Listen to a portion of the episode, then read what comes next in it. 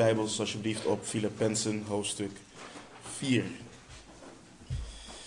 Zo, dan gaan we vers vers door Filippenzen. En ehm, ik wil jullie vandaag richten ehm, op vers 14 tot en met 23.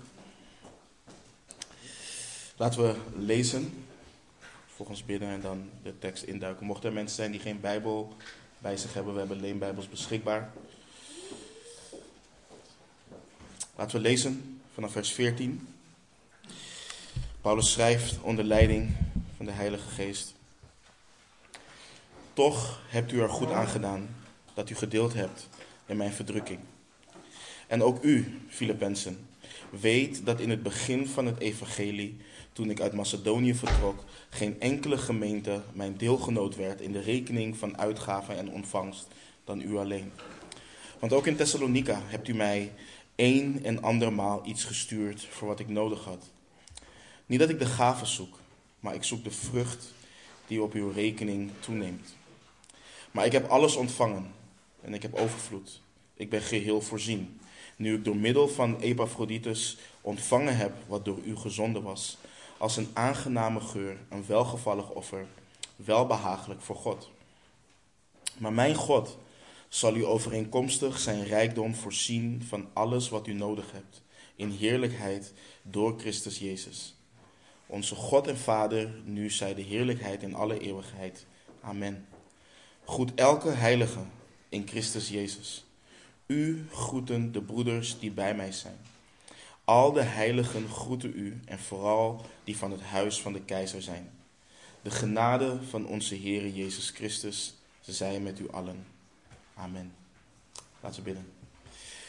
Vader, wat een zegen is het, Heer, om zo vers voor vers door uw woord heen te gaan, Heer. Wat een rijkdom. En Vader, ook vandaag vragen we u om een zegen, Heer, want we hebben geen hoop, Heer, om de tekst te begrijpen als u het ons niet uitlegt, Heer. We hebben geen hoop, Heer, om te leven naar wat u geschreven hebt als uw geest het werk niet in ons doet, Heer. We bidden ook, Heer, we vragen nogmaals om een gehoorzaam hart, Heer. En een ontvankelijk hart. Dat u een bovennatuurlijk werk in ons doet. Tot eer en glorie van uw naam, Heer. We houden van u en bidden in de naam van onze Heer Jezus Christus. Amen. Het voelt zo raar om uh, deze laatste versen uh, zo te behandelen. Deze brief is zo rijk en er zit nog zoveel in waar we niet bij hebben stilgestaan. Dat ik bijna opnieuw wil beginnen, maar maak je niet druk, dat gaan we niet doen. Maar laten we door de tekst heen gaan en um, uh, gewoon beginnen bij, uh, of gewoon doorgaan bij, uh, bij vers 14. En Paulus schrijft: Toch hebt u er goed aangedaan dat u gedeeld hebt in mijn verdrukking. Om de context te schetsen, we weten dat de apostel Paulus uh, zeer verblijd is geweest in de Heer, omdat het denken van de Filippenzen aan hem weer is opgebloeid. En hij is vooral zeer verblijd geweest omdat ze het hebben kunnen tonen door de gift die ze hebben gestuurd met uh, de broeder Epaphroditus. Uh, Paulus wilde echter duidelijk maken, en dat hebben we ook twee weken geleden gezien, uh, dat hij voor het ontvangen van hun gift niet ontevreden was. Hij wilde niet dat ze zouden denken dat hij zat te wachten op een financiële gift. Want hij kwam niets tekort. Hij heeft geleerd in alle omstandigheden om tevreden te zijn. We weten, Paulus heeft alles meegemaakt. Uh, overvloed hebben, gebrek lijden. Hij is in alles, maar dan ook in alles ingewijd. En in wat voor situatie Paulus zich ook bevond, hij kon alle dingen aan door Christus die hem kracht geeft. Dat is een bemoediging voor ons. Om ook te weten dat wij alle dingen aankunnen. Door de kracht die onze Heer Jezus Christus ons geeft. De kracht die Hij overvloedig wilt geven. Maar in vers 14 zegt de apostel Paulus dat het goed is dat ze hebben gedeeld in zijn verdrukking. En je ziet hier dat Paulus misverstanden wilt voorkomen. Hij wil niet dat ze dachten dat hij gebrek had en ontevreden was, omdat ze niet eerder hebben kunnen tonen dat ze aan hem, dachten. Maar hij wil hen ook laten weten dat het goed is dat ze op deze manier aan hem hebben gedacht. En dit laat ons heel, iets heel belangrijks zien in hoe kerken zendelingen onder andere horen te steunen, te ondersteunen. Vergeet niet, Paulus was uitgezonden vanuit uh, de gemeente in Antiochië. In handeling 13, uh, handelingen 13 lezen we daarover. En Paulus leefde puur en puur en alleen om het evangelie van Christus te verkondigen. En hierin zie je ook een duidelijk onderscheid. Iedere discipel, en het is voor ons allemaal belangrijk, iedere discipel van de Heer Jezus is en hoort actief te zijn in de bevordering van het evangelie van Jezus Christus. Maar niet iedere discipel doet het op dezelfde manier. We hebben allen gaven gekregen en de Heer geeft de gaven zoals Hij dat wil. En ik heb vaker meegemaakt ook dat, weet je, soms, soms heeft iemand een hart om te evangeliseren. Maar dan raken ze gefrustreerd omdat een andere broeder of zuster dat niet doet. Als jij het hart hebt ontvangen, prijs de Heer. En ga vooral uit om dat te doen. En andere broeders en zusters die dienen ter bevordering van het evangelie op de manier waarop God hen toerust. En zo werkt het lichaam samen om het evangelie van onze Heer Jezus Christus te bevorderen. Maar dit is de manier waarop Paulus dat deed. En Paulus ging van stad tot stad, verkondigde het evangelie en als er mensen tot geloof kwamen, werden er indien mogelijk op dat moment ouderlingen aangesteld. En die zouden geestelijke zorg dragen voor de kudde van de gemeente in die stad. En dit is wat Paulus deed. En dit is ook echt wat zendingswerk inhoudt. En je hebt tegenwoordig best veel initiatieven, goede initiatieven ook. Maar echt zendingswerk zoals we dat in de Bijbel zien, zoals we dat in de schrift zien, is wat Paulus, wat Barnabas en de rest van de discipelen deden. Prediken van het evangelie, gemeenten stichten, ouderlingen aanstellen en ook terugkomen om die gemeenten te sterken, om ze te ondersteunen. Maar Paulus had te maken met veel verdrukking. En je ziet dat hij schrijft dat ze deelden in zijn verdrukking. Dit komt overeen met wat we in hoofdstuk 1 hadden gelezen, wat hij schreef, dat, hij, dat zij zijn deelgenoten waren in het evangelie. Zijn partners in het evangelie. En het is goed en belangrijk voor de bevordering van het evangelie nogmaals dat kerken, kerken partners zijn van zendelingen. Um, om hen te ondersteunen in de noden die ze hebben. En soms hebben kerken het voorrecht en, laat me het even noemen, de luxe om vanuit een gemeente zendelingen, uh, om mensen uit te zenden voor zendingswerk. En soms kan het zo zijn dat je via via in contact komt met zendelingen en die op die manier kan ondersteunen. De kerk in Filippi was zo'n partner van Paulus. Sterker nog, hij schrijft in vers 15 en 16 het volgende.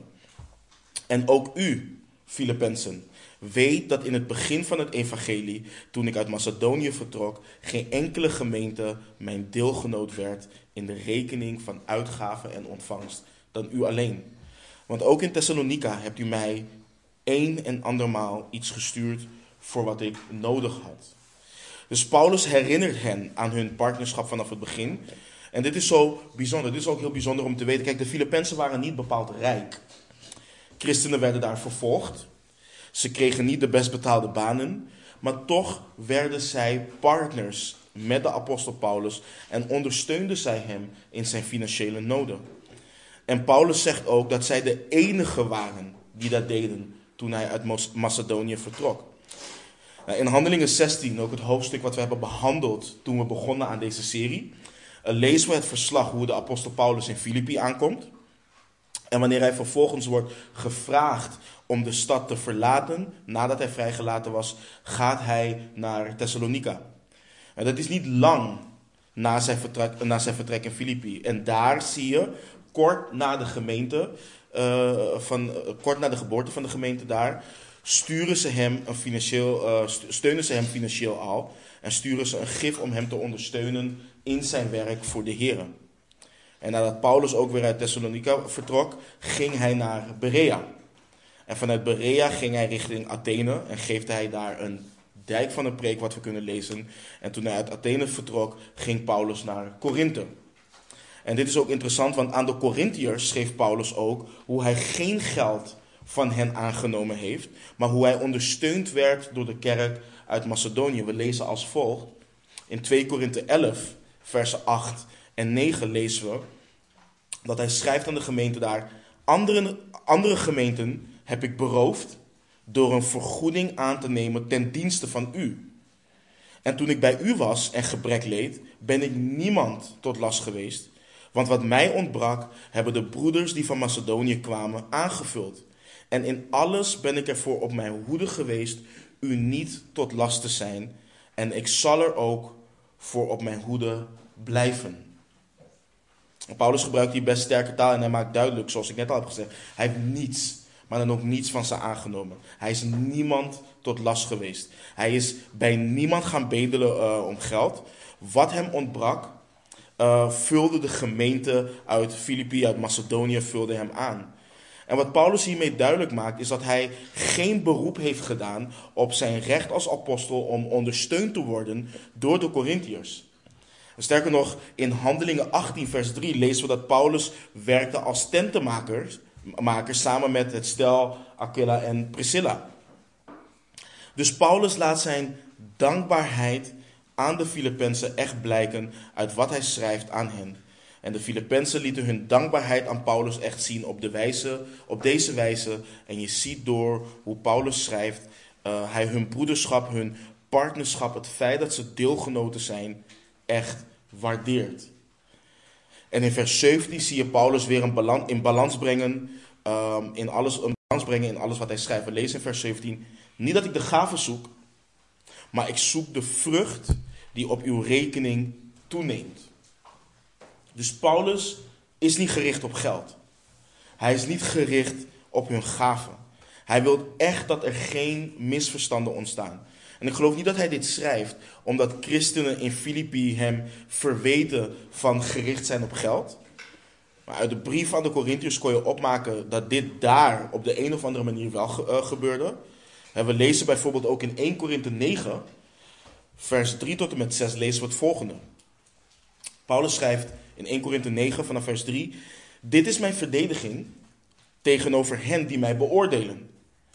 Hebben wij niet het recht om te eten en te drinken? Hebben wij niet het recht om een zuster als vrouw mee te nemen, zoals ook de andere apostelen en de broers van de Heren en Kefas? Of hebben alleen ik en Barnabas geen recht om niet te werken? Dus daar waren enkelen die hem hierop beoordelen. Nogmaals, ik geloof niet dat dit zo was in Filippi. Um, maar sommigen beoordeelden hem hierop en Paulus wil dat er geen misverstand ontstaat. Hij is niet uit op hun geld. Wat interessant is ook om te weten in die tijd, is wat je, uh, had je ook het volgende.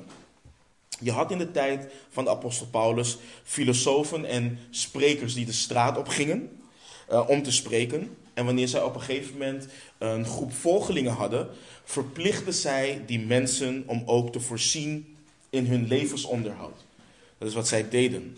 Dit gebeurde veel in deze omgeving. Wat ook de reden was, Paulus wil duidelijk maken, hij is niet uit op hun geld, maar wat hij belangrijk vindt, is de vrucht die op hun rekening toeneemt. De investering voor de bevordering van het evangelie zal vrucht dragen tot in alle eeuwigheid. En dan gaat hij verder en dan zegt hij ook, maar ik heb alles ontvangen en ik heb overvloed. Ik ben geheel voorzien nu ik door middel van Epaphroditus ontvangen heb wat door u gezonden was. Als een aangename geur, een welgevallig offer, welbehagelijk voor God. Maar mijn God zal u, overeenkomstig zijn rijkdom, voorzien van alles wat u nodig hebt, in heerlijkheid door Christus Jezus. Onze God en Vader nu zij de heerlijkheid in alle eeuwigheid. Amen. Het mooie is om te zien, Paulus hij is niet zoals de predikers van het welvaart-evangelie die we tegenwoordig zoveel zien. Ik heb bijvoorbeeld, hè, ik heb Kenneth Copeland, T.D. Jakes, uh, Joel Osteen, Stephen Furtick, Benny Hinn. Um, geen van deze valse profeten, geen van deze predikers, nooit tegen iemand horen zeggen: Ik heb overvloed, ik ben geheel voorzien. Nog nooit. Nooit. En Paulus was dankbaar. Hij was tevreden. Daar waar mensen vragen om een privéjet, was hij tevreden. Hij was niet gericht op welvaart. Want Paulus wist als geen ander dat geldzucht de wortel van alle kwaad is. Hij wist dat. Hij schreef, zoals we vorige week lazen aan, 1, aan Timotheus in 1 Timotheus uh, 6, vers 8. Als wij echter voedsel en kleding hebben, zullen wij daarmee tevreden zijn. Dit is het hart. Dit was het hart van de apostel Paulus. Als wij echter voedsel en kleding hebben, zullen wij daarmee tevreden zijn. Paulus was tevreden en geheel voorzien met wat hij had ontvangen door de handen van Epaphroditus. En let ook op hoe Paulus het zegt. Als een aangename geur, een welgevallig offer, wel behagelijk voor God. Paulus gebruikt hier oud-testamentisch taal. En zij gaven niet aan Paulus, maar ze gaven aan God. Ze gaven aan het werk van God. En Paulus kon dan met zekerheid zeggen dat het een offer was wat God behaagde. Ze gaven vanuit het hart. En dit zijn ook de offers waar God zijn welbehagen in heeft. Offers waarin broeders en zusters voorzien op wat voor manier dan ook. In de hulp wat de ander nodig heeft. En de, de, de auteur van de brief, uh, Hebreeën, schreef ook in Hebreeën 13, vers 16. Hij schreef het volgende. En vergeet het weldoen en het onderlinge hulpbetoon niet. Want aan zulke offers heeft God een welgevallen. Vergeet het weldoen en het onderlinge hulpbetoon niet, want aan zulke offers heeft God een welgevallen. En dit is, dit is in tegenstelling tot waar kerken zeggen: God heeft een welgevallen in het offer. Als je iedere maand een tiende geeft. Sterker nog, je moet het doen. Maar hij schrijft: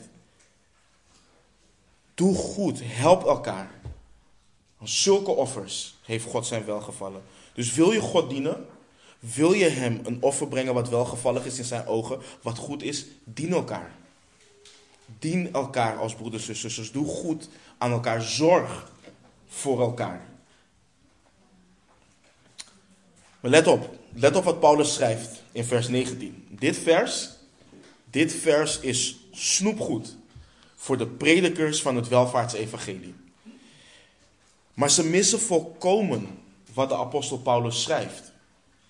Hij schrijft niet zoals zij zeggen: geef en God zal je alles geven wat je wilt. Dat is wat zij zeggen. Nee, let op wat Paulus schrijft.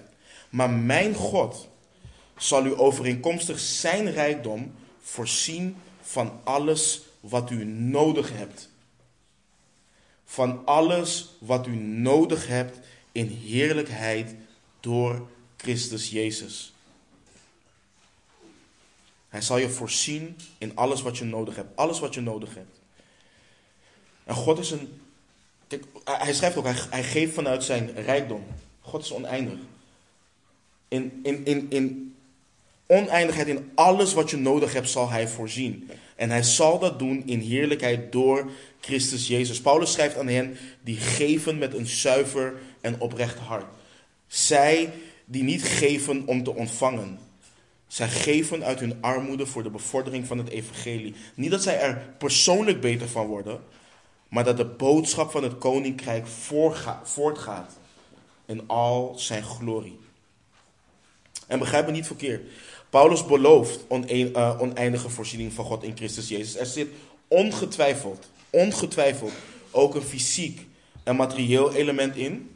Maar vergeet niet Vergeet niet wat Paulus voor hem bad in hoofdstuk 1. In Filippenzen 1, vers 9 tot en met 11. En dit bid ik, dat uw liefde nog steeds overvloediger wordt in kennis en alle fijngevoeligheid, opdat u kunt onderscheiden wat wezenlijk is, opdat u oprecht bent en zonder aanstoot te geven tot de dag van Christus, vervuld met vrucht van gerechtigheid door Jezus Christus die door Jezus Christus zijn tot heerlijkheid en lof van God. Dit was het gebed van de apostel Paulus voor hen. Dit was ook hun noden en dit is ook onze noden als discipelen van de Heer Jezus. En vergeet ook niet hoe Paulus had geschreven om in geen ding bezorgd te zijn. Paulus wil dat zij weten dat, hun, dat de Heere God hun ziet. Dat hij ziet dat ze vanuit hun armoede geven. En dat hij zal voorzien in hetgeen waarvan hij weet dat ze het nodig hebben. Zij het materieel en vooral zij het geestelijk. En broeder en zuster, weet je, vaak wanneer wij dit soort dingen lezen, dan lezen wij, dit is zo'n 2000 jaar geleden, denken we, God werkte machtig en krachtig op deze manier. Al onze broeders en zusters, er werd voorzien in hun geestelijke noden. Er werd voorzien als het nodig was in hun materiële noden. Maar op de een of andere manier geloven wij dit niet meer. Wij zelf, wij geloven dit niet. We bidden niet in geloof. We bidden niet in geloof en volharding dat God zal geven, dat Hij zal voorzien in hetgeen wat we nodig hebben. Waar we een aantal weken geleden bij hebben stilgestaan, dat we over bezorgd zijn. Dit is gelinkt aan elkaar. God geeft vanuit zijn rijkdom. En onze God is oneindig, hij is eeuwig. En hij zal voorzien in de noden die we hebben. We zien het in de gemeente en we kunnen het ook gewoon zien in onze individuele levens. Hij zal voorzien in hetgeen wat we nodig hebben. We moeten er altijd in geloof om vragen. Ik moest lachen, want laatst bad ik met onze oudste dochter en die zei, en dat is ook een les voor ons, die zei, we, we, sloten het gebed af en ze zegt, oh pap, ik was vergeten te zeggen, um, maar op uw tijd, Heer. En dat is ook iets wat wij moeten leren. Ja, we mogen vertrouwen dat God altijd zal voorzien. Maar hij doet dat op zijn tijd. En als het een jaar duurt, als het twee jaar duurt, als het drie jaar duurt, als het maanden duurt, hoeven we niet te denken dat hij ons gebed niet verhoort. En soms geeft hij niet hetgeen waarom we vragen, omdat, we, omdat hetgeen waarom we vragen niet hetgeen wat we nodig uh, hebben. Um, niet is wat we nodig hebben. Maar God voorziet en dat is wat we moeten weten. Hij is een voorzienend God. Paulus sluit het gedeelte af met wat we in een mooie term kennen als een doxologie.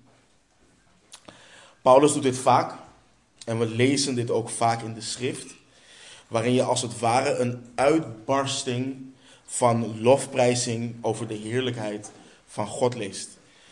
En het is zo prachtig om te lezen. Veel van de liederen die we zingen zijn ook gebaseerd op doxologieën in de schrift.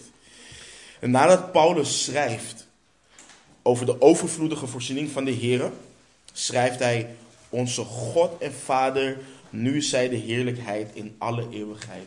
Amen, zo is het. Wanneer je mediteert, en dit is zo belangrijk om te weten, wanneer je mediteert op wie God is en wat Hij doet, dan leidt dat naar een doxologie, dat leidt naar verheerlijking. Het leidt tot lofprijzing. We zien het vaker in het Nieuwe Testament. Laten we een paar lezen.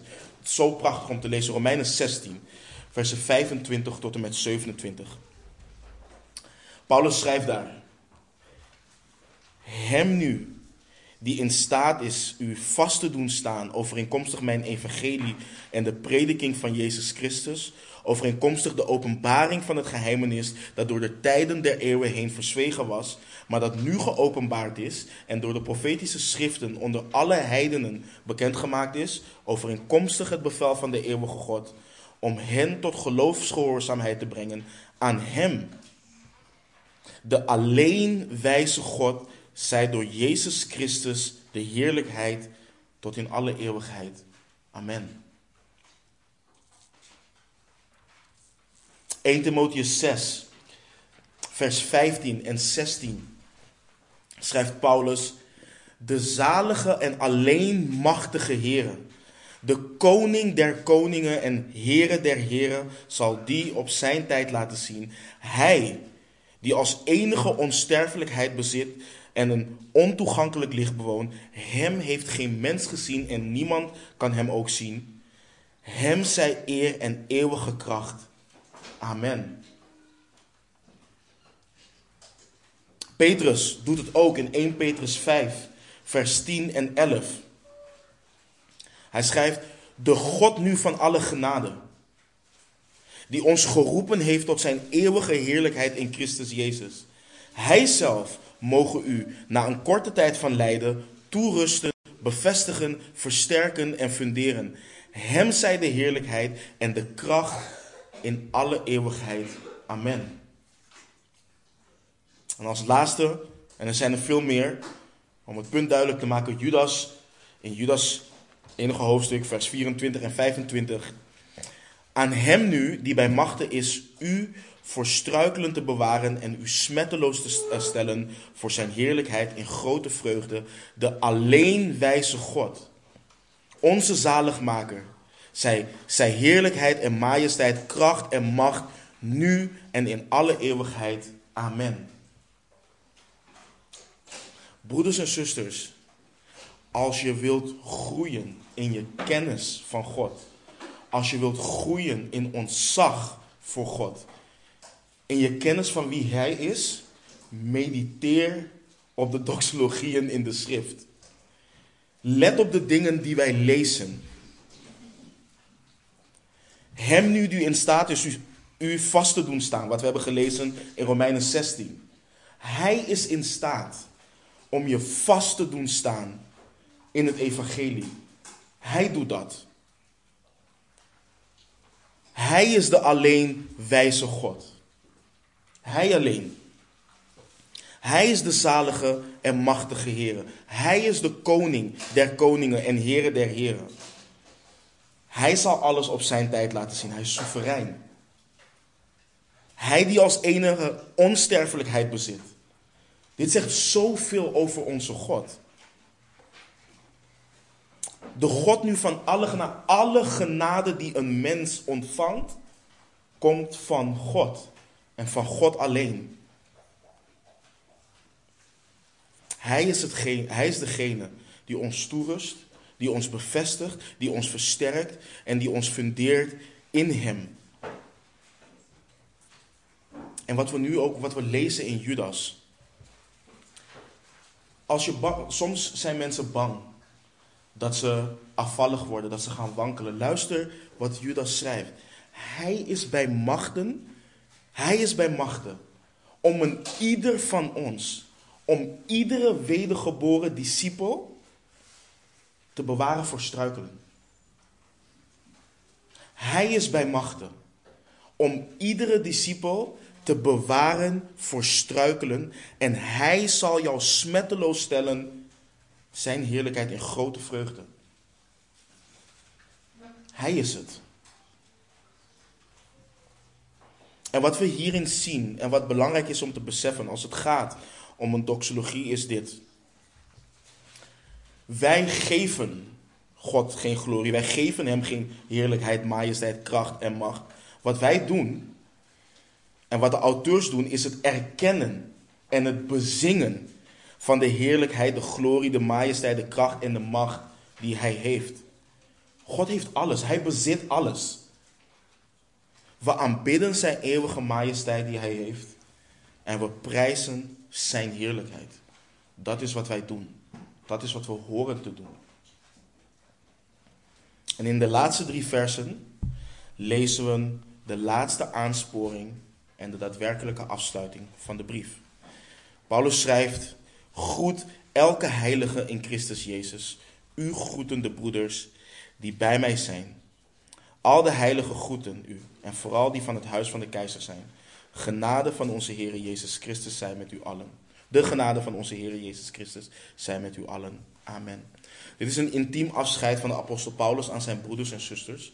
En wat ontbreekt in deze brief, wat je in veel van de andere brieven eh, van de apostel Paulus ziet, is de persoonlijke begroeting die hij vaak bij naam doet. In, aan de Romeinen zie je dat bijvoorbeeld. Dat doet hij hier niet.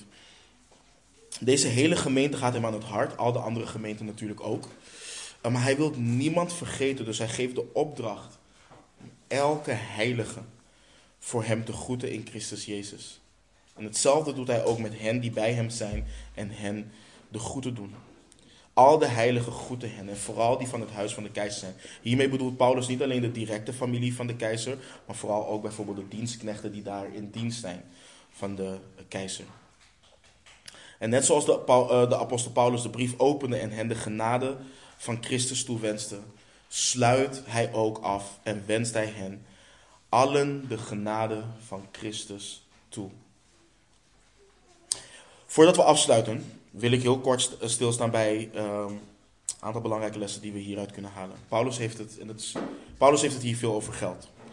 En ik ben me ervan bewust, zeer van bewust, Zeker door de schandalen die er in veel kerken plaats hebben gevonden en nog steeds plaatsvinden. Ehm, dat het hebben over geld altijd een gevoelig onderwerp is. Het is een gevoelig onderwerp in de kerk.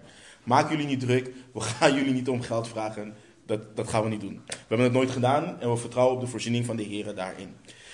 Maar we leren een paar belangrijke lessen uit wat Paulus heeft geschreven aan de Filippenzen.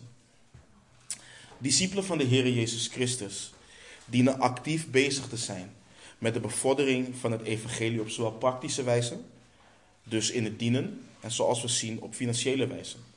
We geven niet om te ontvangen, maar geven ter bevordering van het evangelie van Christus.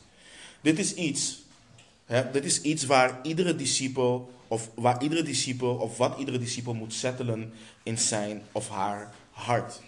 We zien dit in onze tekst hier en we zien het door de schrift heen. Niet omdat een kerk of een ouderling vraagt om geld. Ik geloof niet dat de schrift dat leert. Maar omdat het een offer is aan God ehm, ter bevordering van zijn evangelie. In onze tijd is het een taboe om het hierover te hebben. Maar je ziet dat de apostel Paulus dat aan de Filippenzen geleerd heeft. Want je ziet, zodra Paulus Filippi verliet, zij hem ondersteunden in zijn uitgaven en ontvangsten. Maar ik kan niet genoeg benadrukken dat de reden voor geven gebaseerd moet zijn op de bevordering van het koninkrijk van God. Dat is waar het op gericht moet zijn. Paulus was een prediker van het evangelie om Christus wil, niet om er zelf financieel op vooruit te gaan. Sterker nog, hij heeft altijd een goed voorbeeld gegeven van hoe belangrijk het is om hard te werken en om niet hebzuchtig te zijn. We lezen bijvoorbeeld in Handelingen 20, versen 33 tot en met 35, wanneer hij afscheid, afscheid neemt van de ouderlingen van Efeze, lezen we het volgende. Ik heb niemand zilver of goud of kleding verlangd. En u weet zelf dat deze handen dienst hebben gedaan om te voorzien in mijn behoeften en voor hen die bij mij waren. Sterker nog, hij werkte niet alleen voor zichzelf, hij werkte ook voor hen die bij hem waren. Ik heb u in alles laten zien dat men door zo te arbeiden het moet opnemen voor de zwakken en de woorden van de Heere Jezus in herinnering moet houden. Namelijk dat hij gezegd heeft, het is zaliger te geven dan te ontvangen. Aan de Thessalonicensen schreef hij ook in 1 Thessalonicensen 2 vers 5. Want wij hebben nooit vleiende woorden gebruikt, zoals u weet, en ook geen voorwendsel voor hebzucht. God is getuige. Hoort een prediker te onderwijzen over geven? Absoluut. Het staat in de schrift. Je moet erover onderwijzen. Hoort een prediker te vragen om de gaven? Nee. We zien het door de schrift heen. Ik las een verhaal van de prediker uh, Charles Spurgeon. Hij werd gevraagd door een uh, hele rijke man om naar hun stad te komen en hen te helpen met fondsenwerving voor een nieuw kerkgebouw. En hij had meerdere woningen en hij vertelde Charles Spurgeon dat hij in een van zijn grote woningen kon blijven tijdens um, um, de fondsenwerving. Het antwoord van Charles Spurgeon was prachtig. Hij schreef die man terug en zei: Verkoop je huis en geef de opbrengst voor het project. Dus wat hij daarmee bedoelde is: als je hebt om te geven, geef dan en ga dan niet mensen die niet hebben vragen om meer te geven. Dus wees altijd waakzaam. Altijd waakzaam voor hen die prediken over geld en vragen om geld. Steun hen waarvan je weet dat zij actief bezig zijn met het maken van discipelen en het evangelie van Christus voort willen zien gaan. Geven is iets wat met blijdschap en in vertrouwen gedaan hoort te worden. Dat gezegd hebben, hebbende, dat gezegd hebbende. Wat een reis is het geweest, broeders en zusters. Afgelopen donderdag ben ik terug gaan kijken wanneer we begonnen zijn aan onze vers studie door deze brieven zijn. Vorig jaar 7 augustus zijn we begonnen. En dit is dus onze laatste studie, onze 28ste studie in deze korte brief van vier hoofdstukken. En weet je, wij als ouderlingen, wij komen iedere week samen en, en, en, en, en wij bidden voor de gemeente. En Weet je, ik kan oprecht getuigen, wij allen volgens mij ook, dat deze brief deze gemeente zo heeft gevormd. En door Gods genade en het werk van de geest verder zal gaan vormen. Toen we begonnen had ik een citaat die overigens niet toereikend is, maar samenvat wat de apostel Paulus onder leiding van de geest ehm, duidelijk maakt. Vreugde is natuurlijk een, een, een belangrijk thema. En we zien ware vreugde betekent voor een nederige slaaf van Jezus Christus dezelfde gezindheid hebben die ook in Christus Jezus was. En met die gezindheid dienen discipelen van de Heer Jezus Christus eensgezind op aarde het evangelie van Hem waardig te wandelen, hoewel hun burgerschap in de hemelen ligt, waaruit zij Jezus Christus verwachten.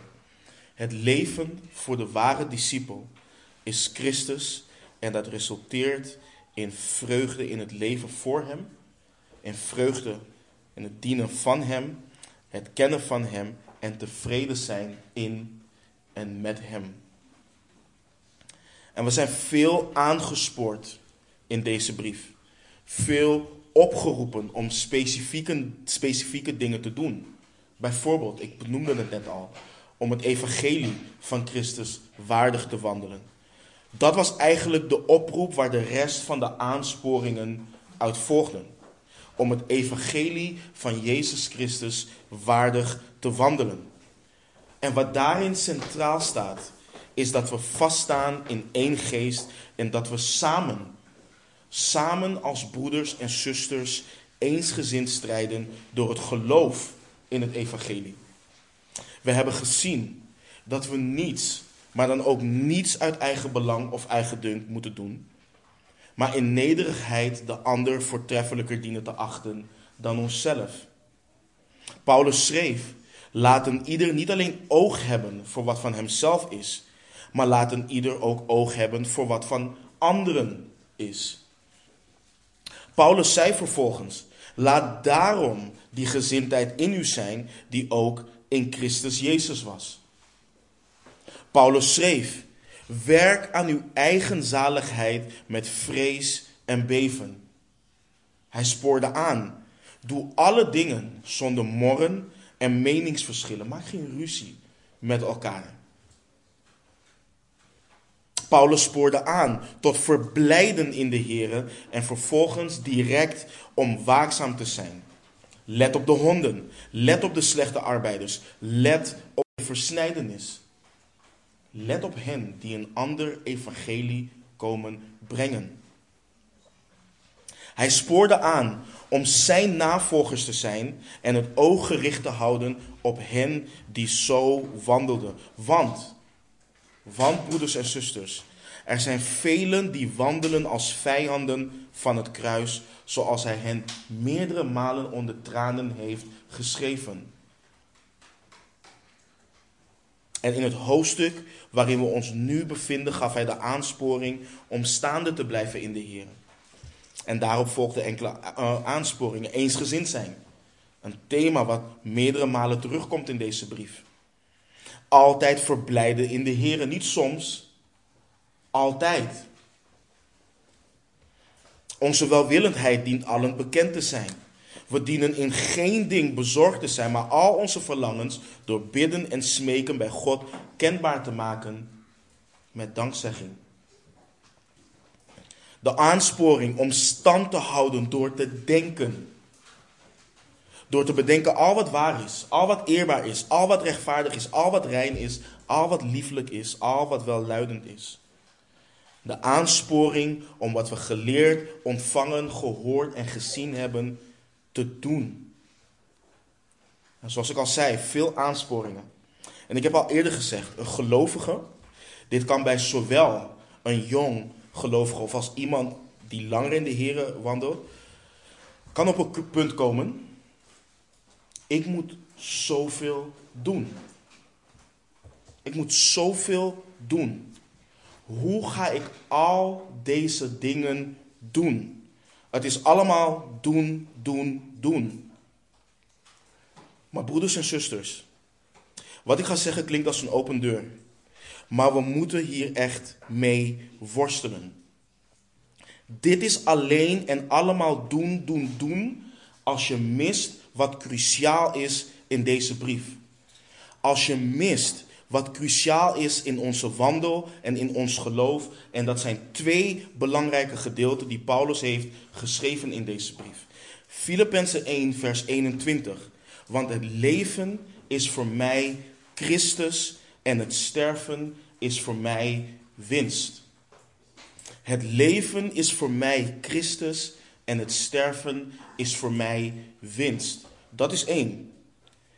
En het tweede is wat Paulus schreef in hoofdstuk 3, vanaf vers 7. Eh, maar wat voor mij winst was, dat heb ik om Christus wil als schade beschouwd. Ja, beslist. Ik beschouw ook alles als schade vanwege de voortreffelijkheid van de kennis van Christus Jezus, mijn Heer, om wie ik dat alles als schade ervaren heb. En ik beschouw het als vuiligheid, opdat ik Christus mag winnen en in Hem gevonden word. Niet met mijn rechtvaardigheid, die uit de wet is, maar die door het geloof in Christus is. Namelijk de rechtvaardigheid uit God door middel van het geloof opdat ik Hem mag kennen en de kracht van Zijn opstanding en de gemeenschap met Zijn lijden, doordat ik aan Zijn dood gelijkvormig word, om hoe dan ook te komen tot de opstanding van de doden. Broeders en zusters, mijn verlangen is dat je vooral doet waartoe, we aangespoord worden. En begrijp me niet verkeerd. We moeten doen waartoe we aangespoord worden. Maar als Christus niet het kostbaarste is, als Hij niet alles is, als het leven voor jou niet Christus is, als jouw leven niet bestaat uit het najagen van Christus, omdat je weet dat Hij kostbaar is, dan zal alles wat je doet te vergeef zijn. Alles.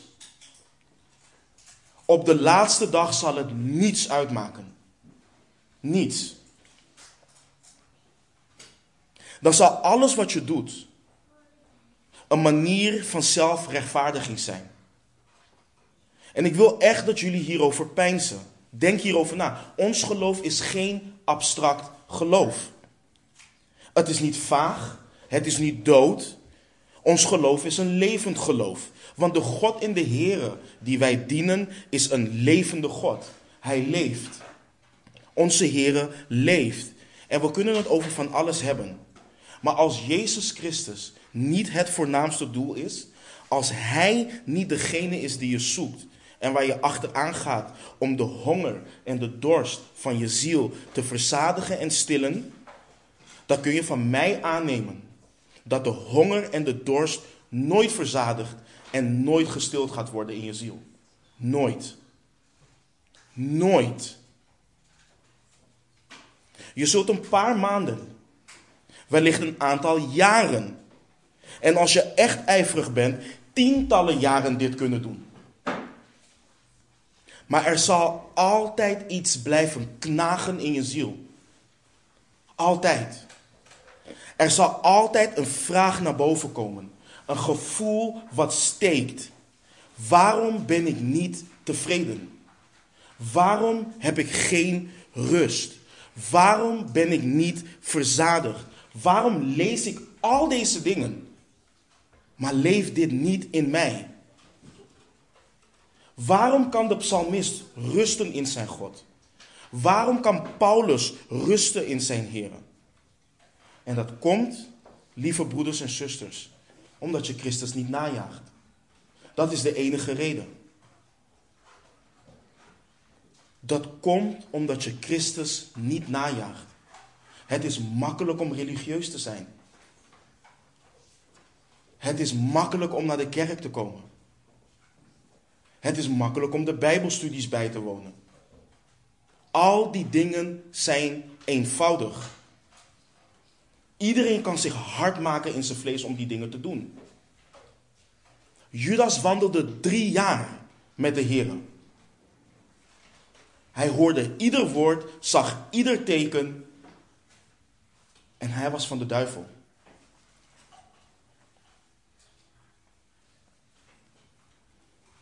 Christus, hem dien je na te jagen.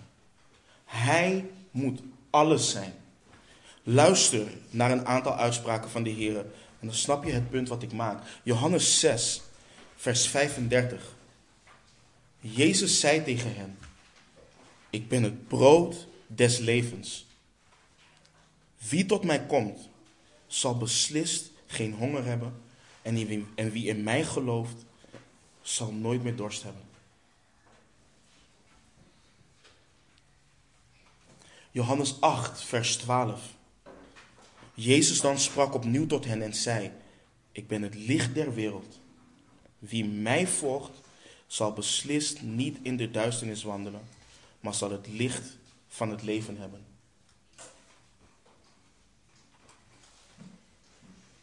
Johannes 10, vers 9. Ik ben de deur. Als iemand door mij naar binnen gaat, zal hij behouden worden en hij zal ingaan en uitgaan en weide vinden.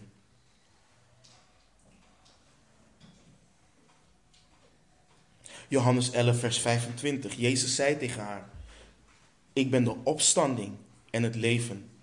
Wie in mij gelooft, zal leven, ook al was hij gestorven.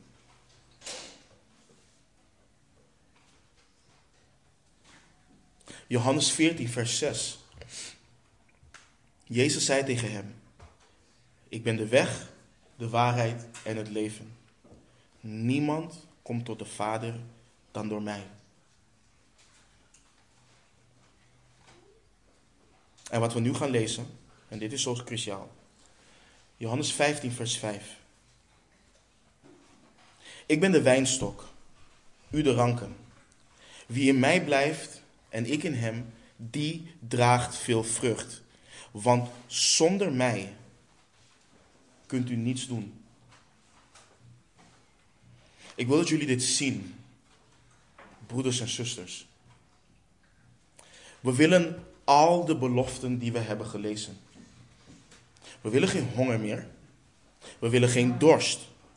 We willen niet in duisternis wandelen. We willen ingaan en uitgaan en weide vinden. We willen leven. We willen tot de Vader komen. We willen vrucht dragen. We willen dit allemaal. Maar let goed op wat de Heer zei. Let op wat Hij zei.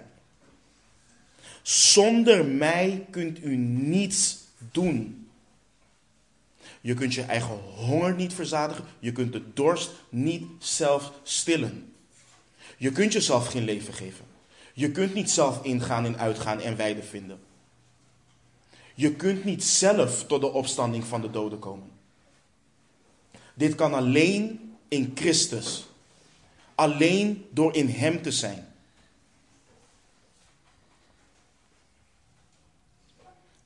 En dit houdt niet in dat we Hem gebruiken om te doen wat we willen. Wat Hij in het begin van het vers zegt is cruciaal. Wie in mij blijft en ik in Hem. Dit is zo cruciaal. Jagen we de belofte na, maar niet Hem die het beloofd heeft? Dat is een vraag die we onszelf moeten stellen. We weten dat God niet liegen kan. We weten dat wat hij zegt, hij doet. We weten dat hij, als hij het belooft, hij zijn belofte nakomt. Als wij beleiden discipelen van de Heer te zijn, maar constant, constant honger en dorst hebben. Als we beleiden discipelen te zijn, maar geen vrucht dragen. Als we beleiden discipelen te zijn, maar nooit tevreden zijn. Nooit tevreden zijn. Altijd overbezorgd zijn. Dienen we dan niet de vraag te stellen: Ben ik echt in Hem? Ben ik echt in Hem? Heb ik dat levend water gedronken? Dat is de vraag die we onszelf dienen te stellen. Jaag ik Hem echt na als een prijs? Is mijn leven Christus.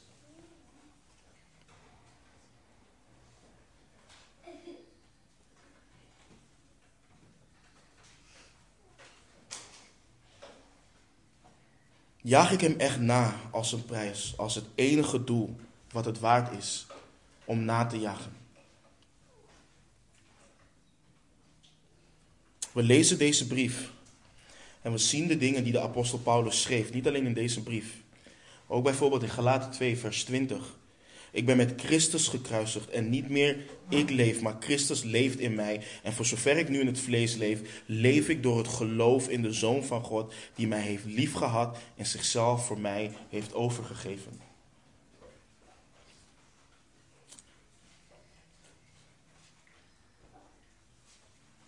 We lezen deze dingen en zeggen: wat een bijzonder man. Wat een vroom man. Wat een groot geloof. Maar dit draait niet om Paulus. Dit draait om de Here die Paulus najaagde. Om hem draait het.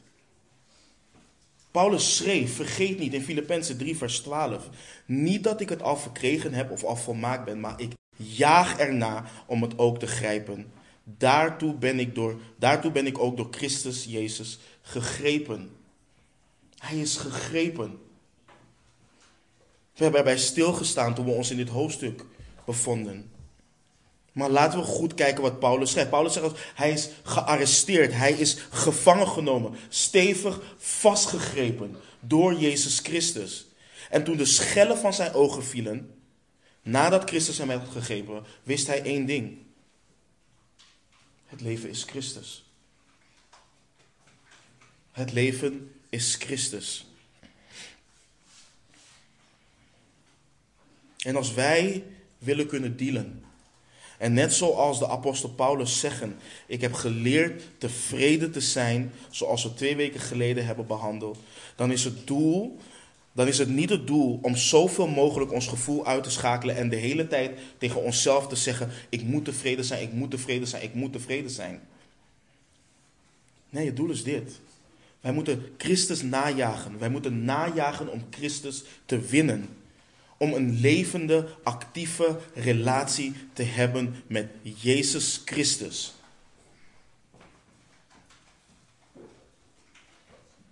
Laat dit niet allemaal theoretisch zijn, broeders en zusters, en dan zeggen: Oké, maar wat moet ik dan praktisch doen? Dit is wat je moet doen.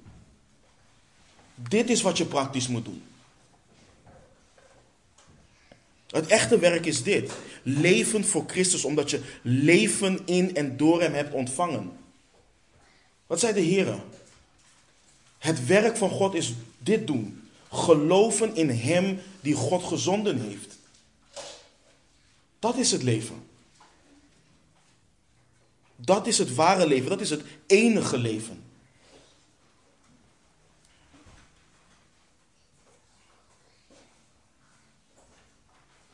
Mogen dit leven bij en in ons als individuen en als gemeente.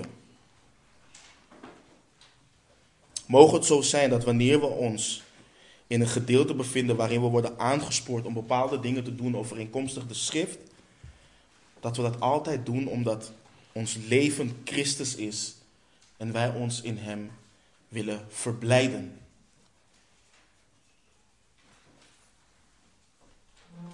Broeders en zusters, wij kunnen zo een lijst voor jullie maken met kerken die tegen jullie gaan spreken alsof alles goed is met jullie en een ieder volmaakte christen is.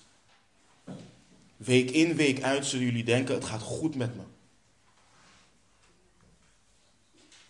De laatste dag wanneer je voor hem komt te staan, zul je heren, heren zeggen en hij zal tegen je zeggen: ga weg van mij, ik ken je niet.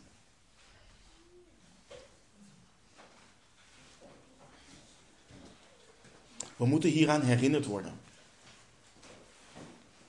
Iedere dag opnieuw.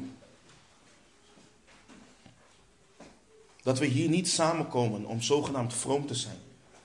Maar dat we hier samenkomen omdat er één is die ons heeft vrijgekocht met zijn kostbaar bloed. Omdat hij is gekomen om zondaar zalig te maken. En wij allen zijn zondaren.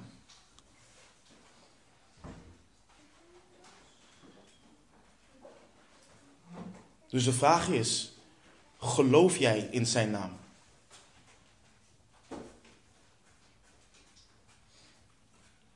En leef je jouw leven puur en alleen om Hem na te jagen?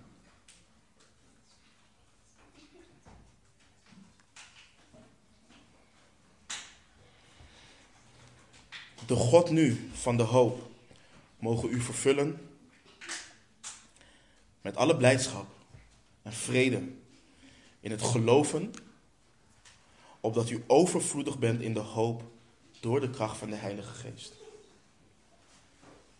Laten we bidden en de Heere vragen om een zegen en dat Hij alles mag blijven toepassen.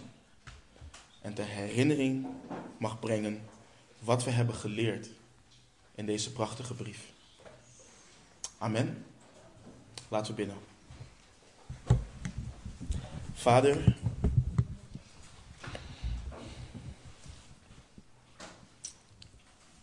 wat bent u goed, Heer.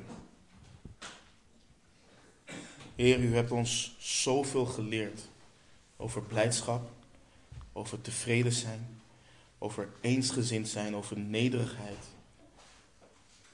Allemaal belangrijke thema's, maar u hebt ons boven alles zoveel geleerd over uw zoon, over onze zaligmaker. Vader, ik bid, Heer, dat als er één ding is wat wij onthouden hebben, deze hele serie, is dat het, Christus, dat het leven Christus dient te zijn. En het sterven pure winst. O Heer, help ons om het evangelie van onze zaligmaker waardig te wandelen. Help ons om vast te staan in de dingen te doen waartoe u ons aanspoort in deze brief. En help ons om dat te doen met de blijde verwachting van zijn komst.